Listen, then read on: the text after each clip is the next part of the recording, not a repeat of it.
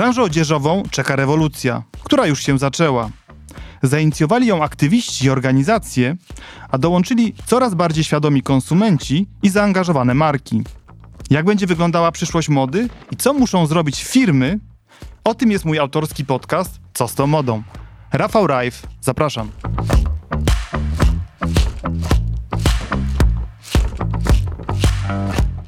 Gościem dzisiejszego odcinka jest koordynatorka Fashion Revolution Polska oraz osoba, która zajmuje się zrównoważoną modą na wielu różnych płaszczyznach, Ewelina Antonowicz. Witam cię serdecznie. Cześć, dzięki za zaproszenie.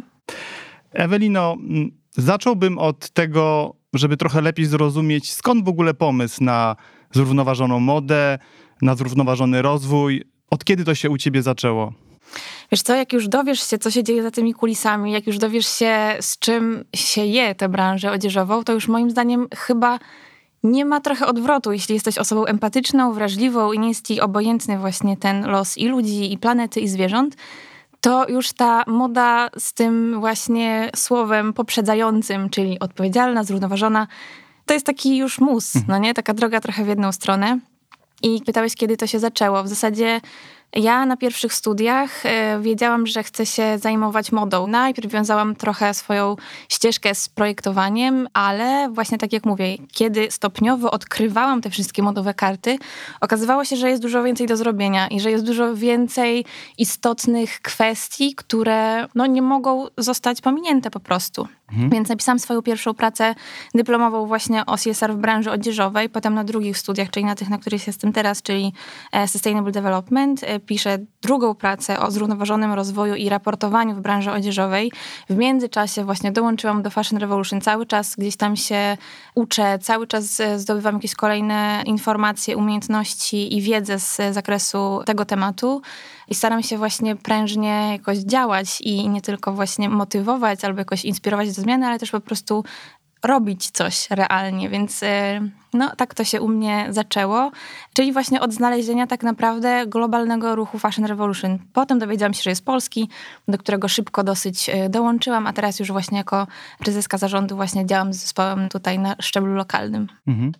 A który to był rok, mniej więcej, kiedy to u ciebie się zaczęło to zainteresowanie? Wiesz co, nie pamiętam teraz do końca, mógł to być 17, 16, mhm. jakoś tak.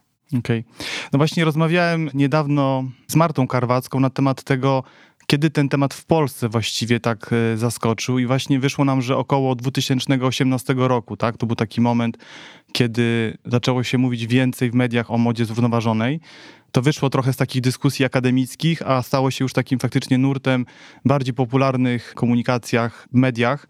Więc wystartowałaś w sumie tak trochę wcześniej, zanim to stało się bardziej. Tak, to właśnie ciekawe, ciekawe, co mówisz. Ten 2018 rzeczywiście też z mojej perspektywy fajnie jest to obserwować, jak zrównoważony rozwój i właśnie odpowiedzialność społeczna w, w branży się rozwija i ja w zasadzie rozwijam się tutaj lokalnie razem z nią, więc ja y, mam na razie jeszcze dosyć niedużo lat, ale gdzieś tam y, właśnie przed tym, powiedzmy, boomem na mm, modne to słowo, modne właśnie działania, takie nośne, bardziej medialne, które się zaczęły tutaj tworzyć, więc jakby też to zauważam, też 2018 był takim dosyć wyraźnym rokiem w kalendarzu mody odpowiedzialnej w Polsce, o tak. Mhm.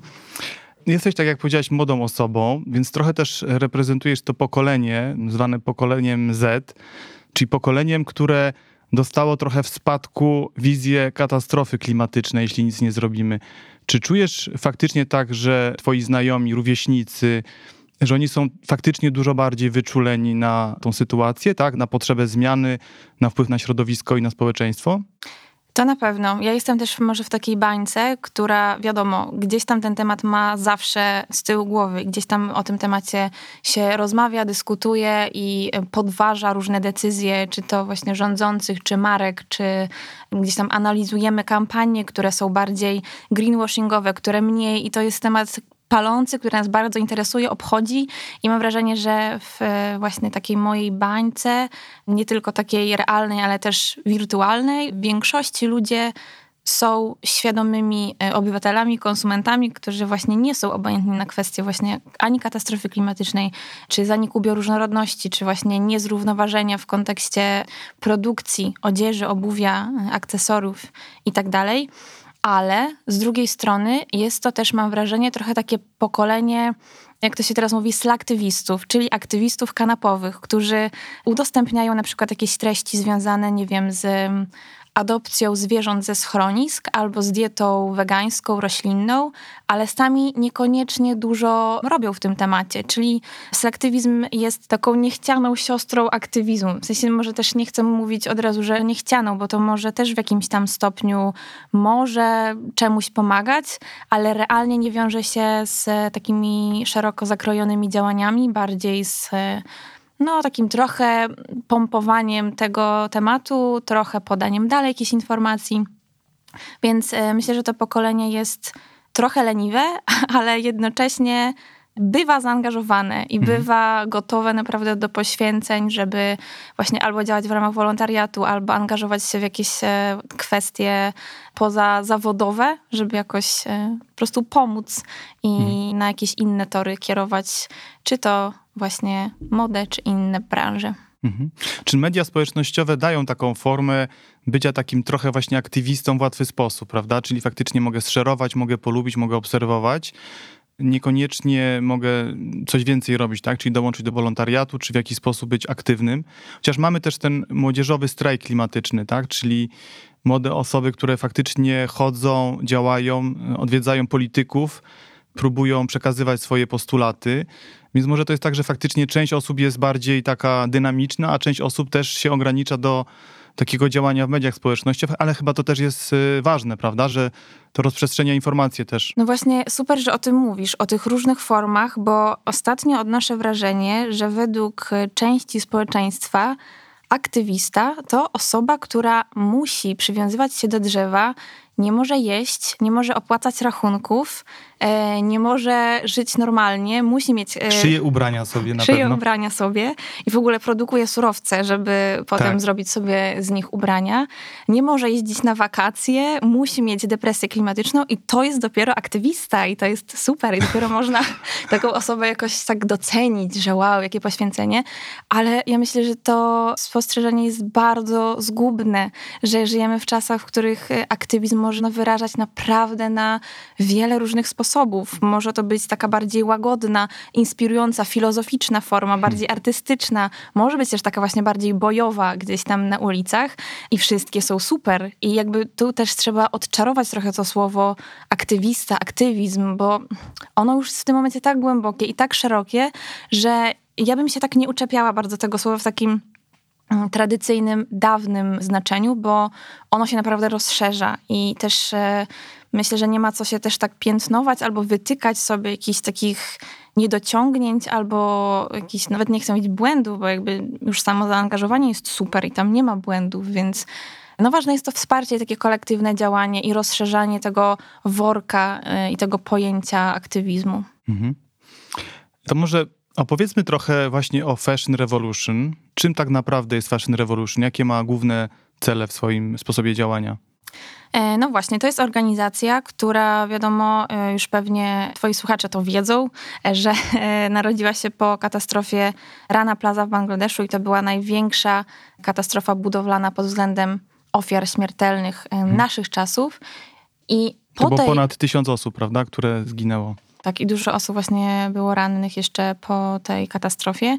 I po tym wydarzeniu w zasadzie założycielki Fashion Revolution doszły do wniosku, no, że bez transparentności się nie da, że nie wyegzekwujemy bardziej odpowiedzialnych, przyjaznych praktyk, jeżeli te praktyki i składowe nie będą jawne, więc po prostu ta transparentność stała się takim słowem kluczem, takim pierwszym w ogóle skojarzeniem i takim drogowskazem dla tego ruchu.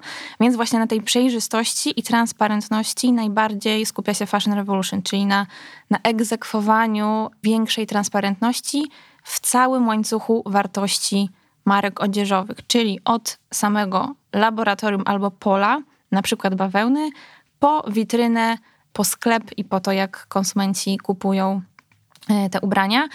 Po drugie, jest to działalność taka bardzo nastawiona na edukowanie, takie edukowanie od podstaw. Skupiamy się również na młodzieży, na dzieciach, bo widzimy bardzo dużo potencjał właśnie w tej grupie. To są osoby, które oczekują tej wiedzy, chcą działać, chcą się dowiedzieć więcej. Są to osoby bardzo, które tak chłoną tę wiedzę, są zaangażowane, więc y, również skupiamy się na tej grupie. No i jesteśmy taką, powiedziałabym, parasolką, która skupia inne podobne instytucje, inne osoby, którym po prostu nie jest obojętny los środowiska, los planety i społeczeństwa i w ogóle przyszłość przyszłych pokoleń. No i tak działamy globalnie od 2013, a lokalnie w Polsce od 2014. Wtedy Organizacja była jeszcze pod koordynacją Marty. E, dzisiaj już jesteśmy stowarzyszeniem, mamy ponad 20 osób w zespole. Ostatnio też utworzyliśmy nową rzecz, czyli grupę badawczą. Również zamierzamy się zajmować kwestią prowadzenia badań. W tym roku skupiamy się też dosyć mocno na języku, bo też wierzymy, że nie same działania, ale też opisywanie tych działań, opisywanie e, zjawisk, zdarzeń, trudnych terminów i tłumaczenie tych terminów na język lokalny, na język zrozumiały jest ważne i tym się też zajmujemy, szczególnie w tym roku, a poza tym też ten rok to był czas, e, w którym taki nacisk kładziemy na modę cyrkularną, czyli gospodarkę obiegu zamkniętego w modzie. Mhm. Ja za chwilę przejdę może do też rozmowy o tym waszym tygodniu Fashion Revolution, który był niedawno. Zatrzymajmy się jeszcze na tych działaniach, o których mówiłaś. Mi się wydaje, że ten e, bardzo ważny jest ten aspekt nazewnictwa właściwych pojęć związanych ze zrównoważoną modą bo to jest tak naprawdę zupełnie nowa rzecz. Wiele z tych terminów się pojawiło niedawno i ono nie funkcjonuje gdzieś w opinii publicznej. Sporo też chyba powstało takich różnych słów, które coś tłumaczą. Eko stało się też taką łatwą etykietką, którą można gdzieś przykleić, prawda? Nie wiadomo, co ona e, faktycznie oznacza. Jak chcecie realizować tą edukację?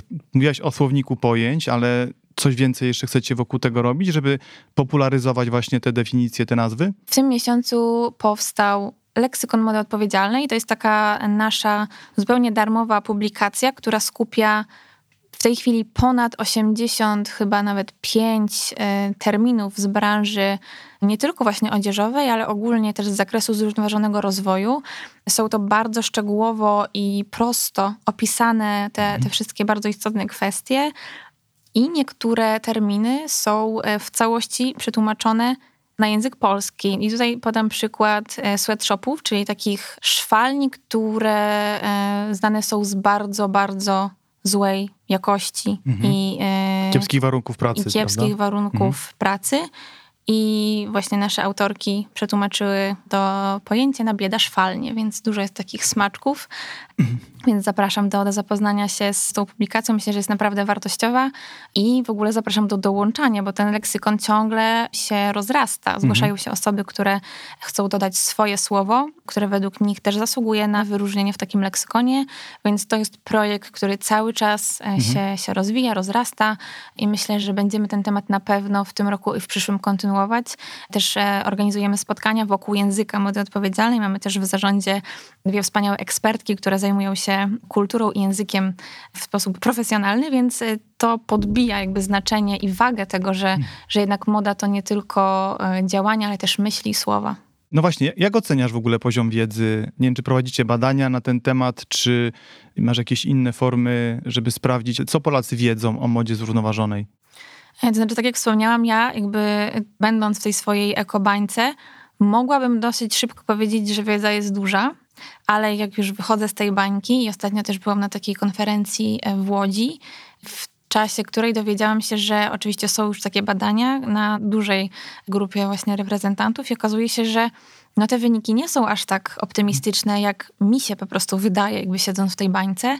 Podstawowe informacje na pewno już się, że tak powiem, przedarły do tego mainstreamu. Już wiadomo mniej więcej, czym się różni, chociaż może, że ja tak myślę, że już wiadomo, albo chciałabym, żeby było wiadomo, że czym się różni bawełna na przykład konwencjonalna od bawełny certyfikowanej, albo w zasadzie co to jest łańcuch dostaw i na jakie certyfikaty warto zwracać uwagę. Fakt, że warto sprawdzać składy materiałowe, czytać metki, to myślę, że też już w zasadzie wszyscy wiedzą. Ale jaki jest taki ogólny stan? No, takich akurat badań jeszcze nie, mhm. nie prowadziliśmy ale tutaj właśnie powołując się na tę konferencję i na badania w 2020 roku, to okazuje się, że Polacy ogólnie, no powiedziałabym średnio w kierunku do źle. Mhm. To też potwierdza badanie, które w Accenture realizowałem. Polacy mylą miejsce produkcji z miejscem y, pochodzenia marki czyli na przykład y, szwedzką czy hiszpańską markę kojarzą, że kraj pochodzenia marki jest tożsamy z miejscem produkcji. Wiemy, A, że, tak, okay. że tak nie jest. No i mamy też wyzwanie z, nawet z tym, że wierzymy w ekologiczność też trochę na słowo, czyli zadaliśmy w raporcie kilka takich pytań dotyczących, co oznacza, że produkt jest ekologiczny. Między innymi było pytanie, że produkt ma oznaczenie eko. No, czyli greenwashing tutaj. Tak, co mhm. trzeci, co trzeci wskazał, że że samo oznaczenie eko już jest jakąś taką gwarancją. Trochę greenwashing, ale ja też myślę, że to jest tak, że finalnie no ci konsumenci gdzieś muszą ufać firmom. Też ciężko pewnie, żeby każdy z nas robił dochodzenie, e, zanim coś kupi. Myślę, że to też jest jakaś rola organizacji. No właśnie miałam to powiedzieć, tak. tak które powinny pewne rzeczy ustandaryzować. A brakuje dzisiaj takich standardów, tak? Dzisiaj jednak faktycznie musimy trochę wierzyć na słowo w ciemno. No to jest mega frustrujące i też nie sądzę, że konsumenci będą chcieli sami podejmować taki trud i taki wysiłek, żeby, tak jak mówisz, robić jakieś dochodzenia albo robić własne badania, albo pisać i gdzieś tam napastować te marki, żeby wyjawiły jednostkom w ogóle wszystkie istotne informacje. One generalnie powinny być dostępne i ta transparentność powinna być na dużo wyższym poziomie. Na ten moment jeszcze nie jest, ale tak jak mówisz, że to jest trochę robota organizacji, takich właśnie jak Fashion Revolution, że zrobią robotę za konsumenta i podadzą w e, prostej, zwięzłej formie już wyniki, więc to też jest trochę nasze zadanie.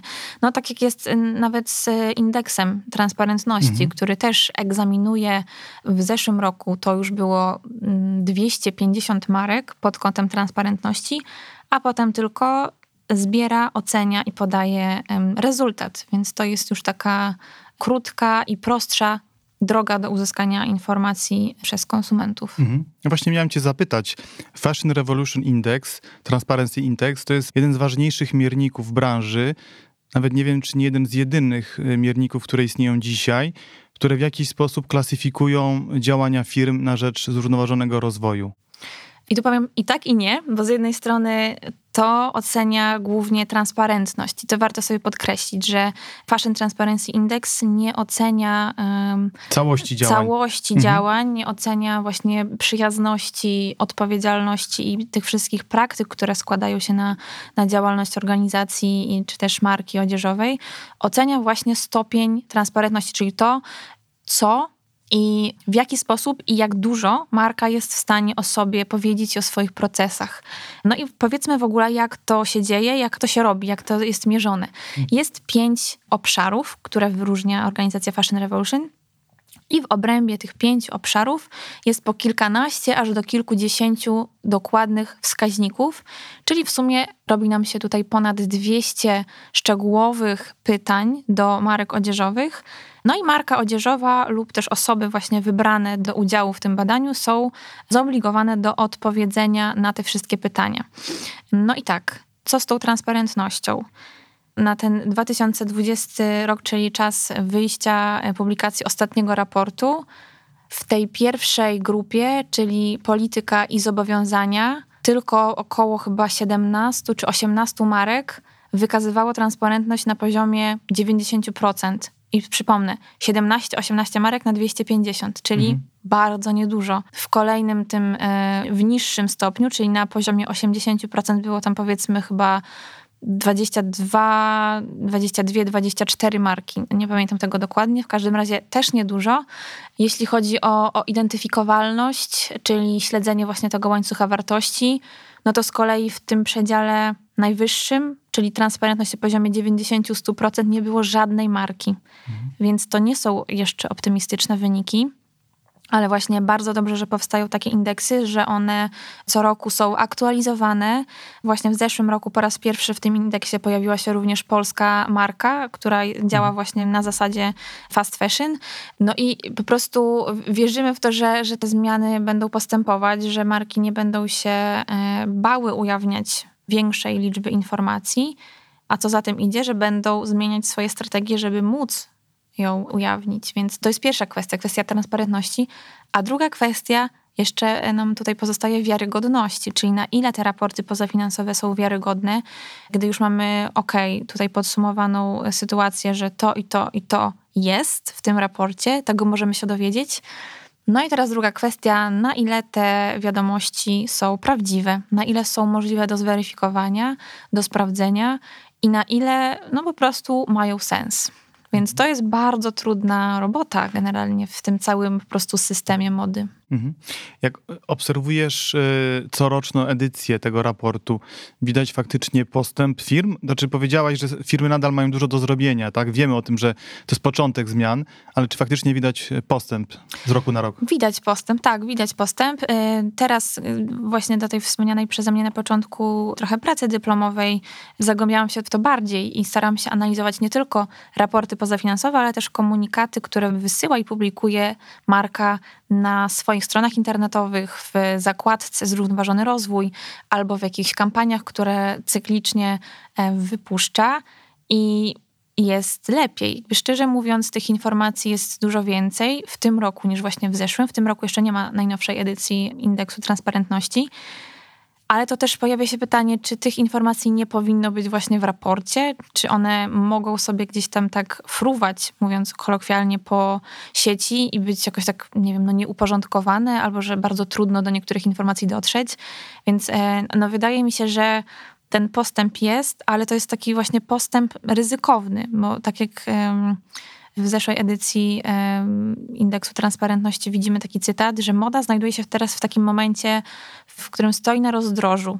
I jedna droga prowadzi do właśnie wielkiej skali i takiego prawdziwego postępowania w kierunku zrównoważonego rozwoju, a druga, tak samo atrakcyjna i tak samo szeroka droga prowadzi do po prostu masowego greenwashingu. No i teraz co? Jak to weryfikować? Jak. Yy...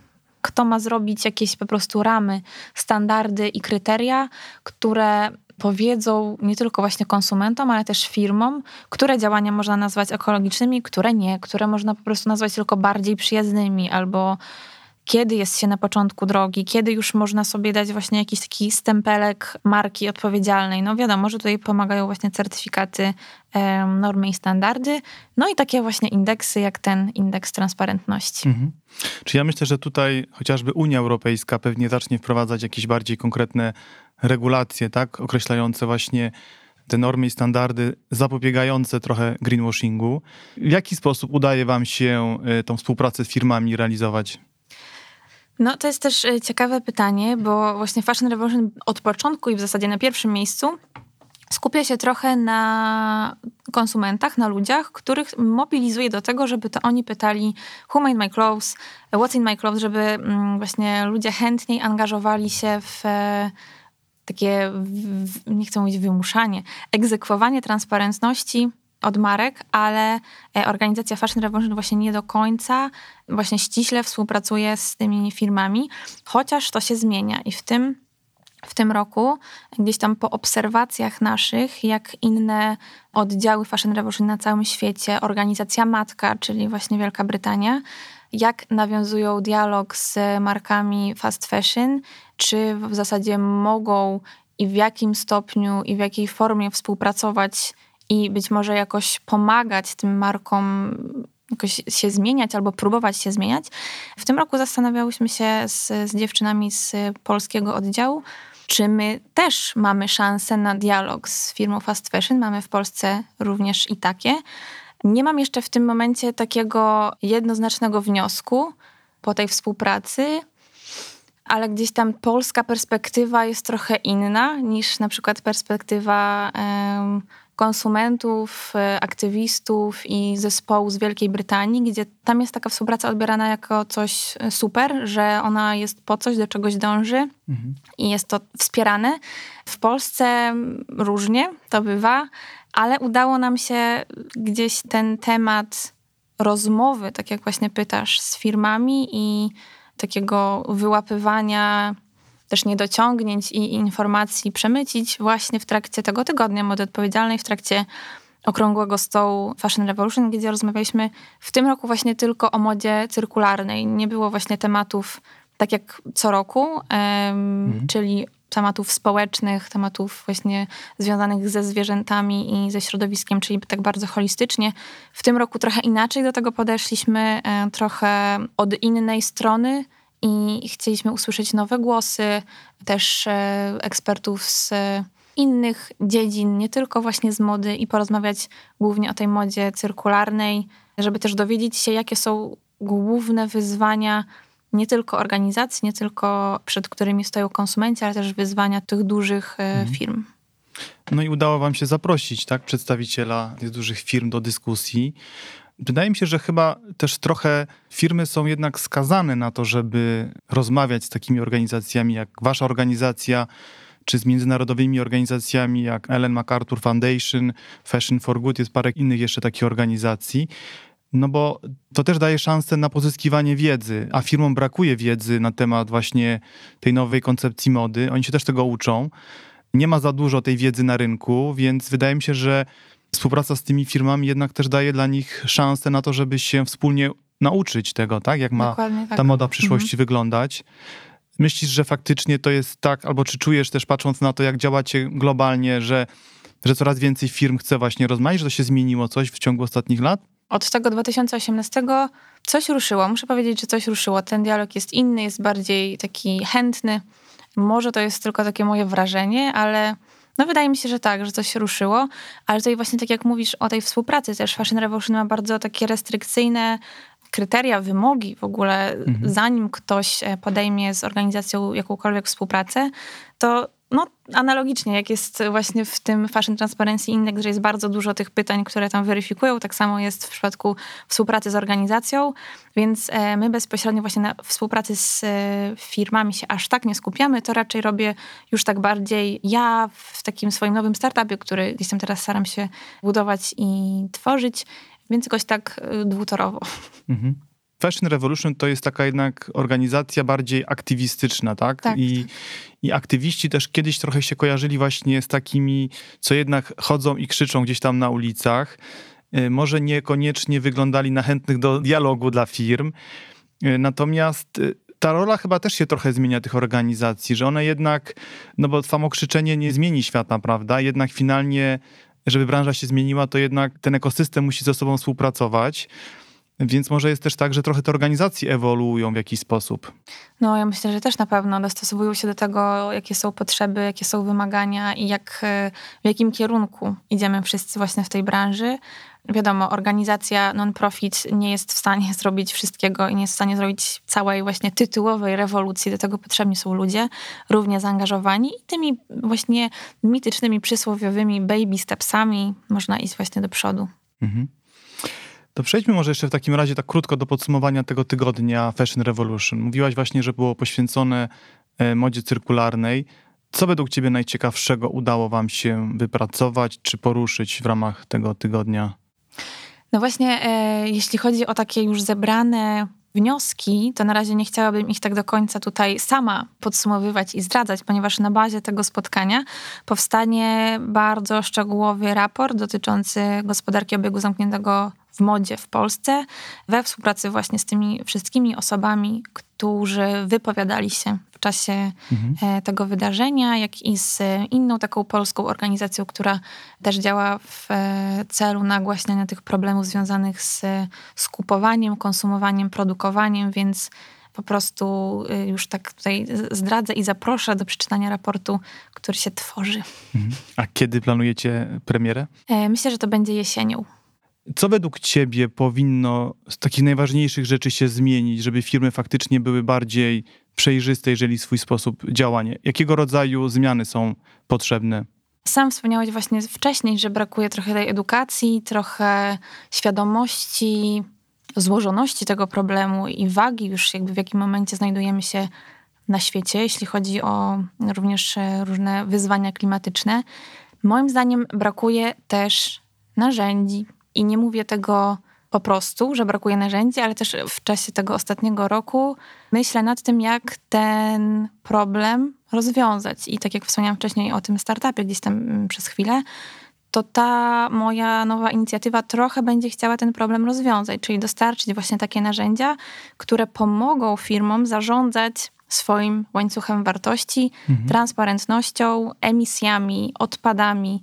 Będzie pomagała w tym ta inicjatywa, żeby znaleźć właściwych dostawców, e, żeby ich w łatwy sposób sprawdzić, zweryfikować, co również się będzie działo trochę przez nas. Więc myślę, że takie narzędzia trochę do predykcji przekroczeń norm również są mhm. przydatne i myślę, że to mogłoby trochę zminimalizować ten problem dotyczący transparentności. Mhm. Czyli jakie to są główne e, wskaźniki, które firmy powinny w jakimś takim pierwszym etapie zacząć mierzyć? No tak jak rozmawialiśmy o tym indeksie transparentności, tam jest ponad 200, ale gdyby mhm. chcieć to tak bardzo już naprawdę ogólnie, prosto i w sposób taki podstawowy przedstawić, no to wiadomo, Code of Conduct, czyli zasady, polityka działania. Druga rzecz, ta identyfikowalność, transparentność firm, dostawców i całego łańcucha wartości. Dobrostan zwierząt, które jakby biorą udział w całym cyklu produkcji. Mhm. To jest zarządzanie chemikaliami, bardzo gruby i bardzo ważny temat. Woda, czyli ile, jakie jest zużycie, zużycie mhm. tak, e, co się robi w ogóle z tą wodą, ścieki i wszystkie e, rzeczy z tym związane. Energia, transport, to na pewno kolejne bardzo istotne zagadnienia. Surowce, materiały i co się z nimi dzieje, skąd one pochodzą, jakie są, dlaczego, czy to są mieszanki, co się z nimi potem dzieje, jaki jest zaplanowany koniec ich życia, produkcja, praca dzieci, czyli e, tutaj wszystkie zasady z tym związane. Co jeszcze możemy wyróżnić, tak na szybko i podstawowe rzeczy? E, no właśnie gospodarka obiegu zamkniętego i zarządzanie odpadami, kolejna bardzo ważna kwestia. Mhm. Emisje CO2 też. Tak, tak, tak. Mhm. Emisje CO2 i tutaj działania w obrębie zmian klimatu, czyli jak tutaj marka stara się ten swój ślad i wpływ negatywny obniżać. Mhm. Mhm. Czyli sporo do mierzenia i tak jak wiemy, moda to jest też złożony, skomplikowany łańcuch dostaw więc dla firmy to jest y, spory obszar do zagospodarowania, tak? czyli wprowadzenie sposobu mierzenia dla bardzo dużego obszaru działalności firmy.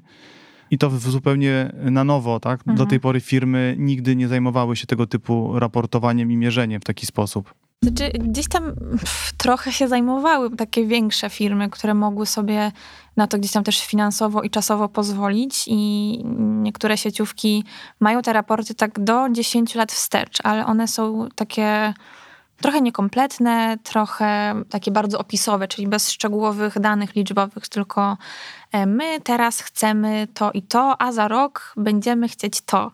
Ale nic z tego za bardzo nie wynika, mhm. żaden konkret, deklaracja albo jakaś liczba, którą można, nad którą można pracować i ją obniżać. No to się właśnie od tego 2018 trochę zmieniło mhm. i te raporty wyglądają przynajmniej właśnie na papierze dużo lepiej. Mhm.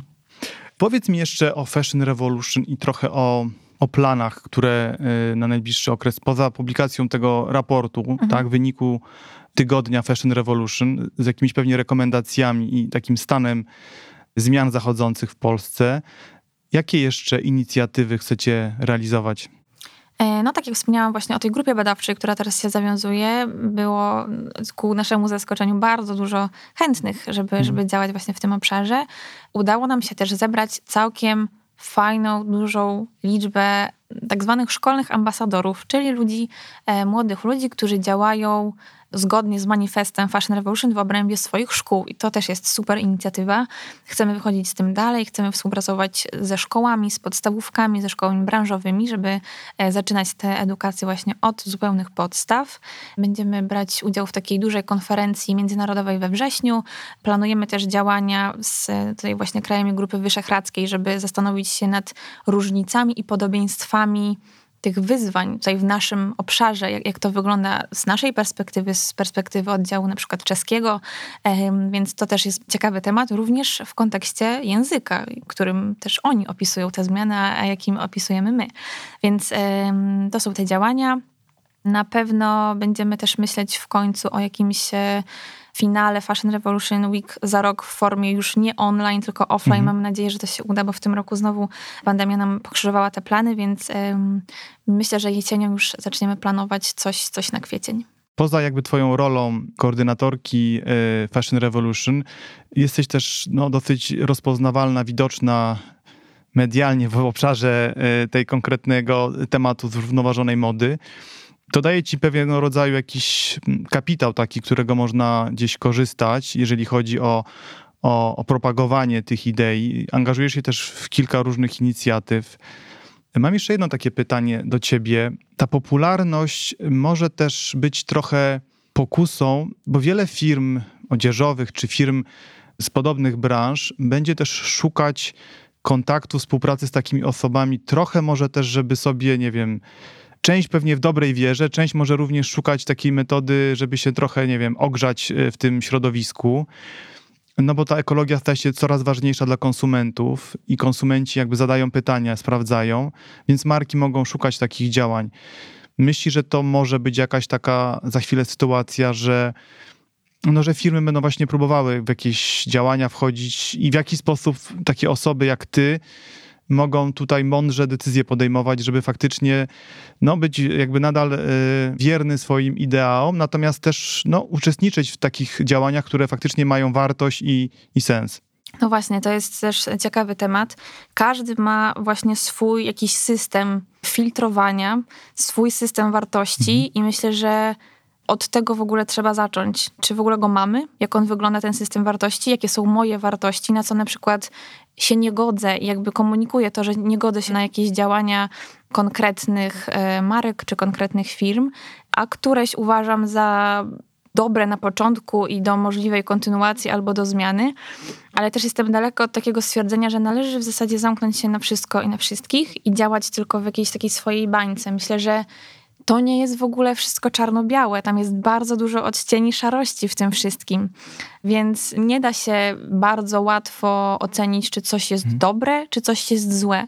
Czy czyjś udział w jakimś działaniu jest od początku do końca zły i nie wnosi niczego, czy coś jest dobre. W zasadzie tam właśnie w tym środku, o którym mówię, czyli w tych wszystkich odcieniach, kryje się bardzo dużo pytań, bardzo dużo mhm. zawiłych rzeczy. Część może prowadzić do konkretnych zmian, część nie musi, część w zasadzie jest tylko w takim punkcie startowym, że dopiero zaczyna myśleć o tym zrównoważonym rozwoju. No właśnie, ale no ja jako ja, jak już pytasz o mnie, nie działam właśnie tylko w Fashion Revolution. Tutaj staram się w ramach wolontariatu bardzo wspierać tę organizację i z nią tutaj działać lokalnie, ale też mam inne zajęcia, więc ja jako ja nie zamykam się na, na dialog po prostu z innymi firmami, mm. z markami. Też jakby prowadząc i rozwijając startup, na pewno będę rozmawiać z firmami fast fashion i nie zamykamy się na działanie w różnych formach, y, więc y, według mnie nie powinien być od razu skreślony na starcie, że mhm. jeżeli ciągle brakuje tej świadomości, ciągle brakuje zaangażowania, to nie znaczy, że będzie tak zawsze.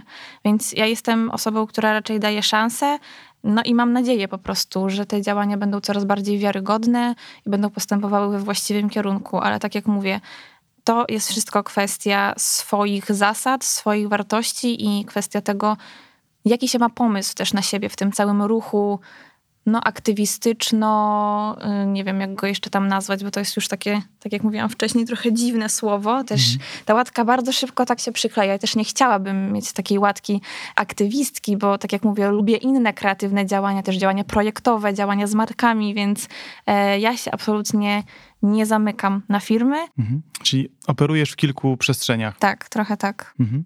Zapytam cię też o jeszcze jedną rzecz na koniec. Właśnie o, y, wystąpiłaś ostatnio wiesz, w kampanii takiej y, sieci detalicznej, odzieżowej. Ja też wiem, że ta firma faktycznie ma y, strategię zrównoważonego rozwoju, bo śledzę jakby to, co robią różne marki. Jak podeszłaś właśnie do współpracy? Jak y, ty przeprowadziłaś tą swoją właśnie wewnętrzną dyskusję? Czy możesz trochę opowiedzieć o tym, jak do, jak do tego znaczy, generalnie y, niechętnie bym się tym dzieliła, ale myślę, że to może też gdzieś tam pomóc i odpowiedzieć innym osobom, które w podobnej sytuacji y, mogą się znaleźć albo się już znajdują. Bardzo się ucieszyłam na początku, że nie mówię o żadnych ciuchach, że nie polecam niczego i nie mhm. podpisuję się pod niczym takim e, materialnym. To są moje wartości, które jakby przekazuję dalej i jestem pewnym pudłem rezonansowym dla osób, które mają i chcą przekazać podobne wartości. W jaki sposób to ma szansę wpłynąć na działania tej firmy? Nie wiem. Jestem jednym głosem z pięciu bardzo ważnych głosów mhm. tej kampanii i myślę, że ta firma z racji jakby profilu działania nie mogła pominąć tematu mody i gdzieś tam ja reprezentowałam ten głos mody odpowiedzialnej i gdyby on się tam nie znalazł, to myślę, że to mogłoby być trochę um, niekompletne, nie takie całościowe, gdzieś tam mhm. biorąc pod uwagę, tak jak mówię, profil e, działalności. Więc myślę, że wartości to jest temat, który zawsze warto podkreślać. Jeżeli one mogą wpłynąć na innych, mogą trafić do trochę innej grupy docelowej, mogą komuś tam otworzyć oczy, to warto. Mhm. Dziękuję, że się podzieliłaś tą refleksją i też dziękuję za rozmowę, za spotkanie. Dziękuję bardzo.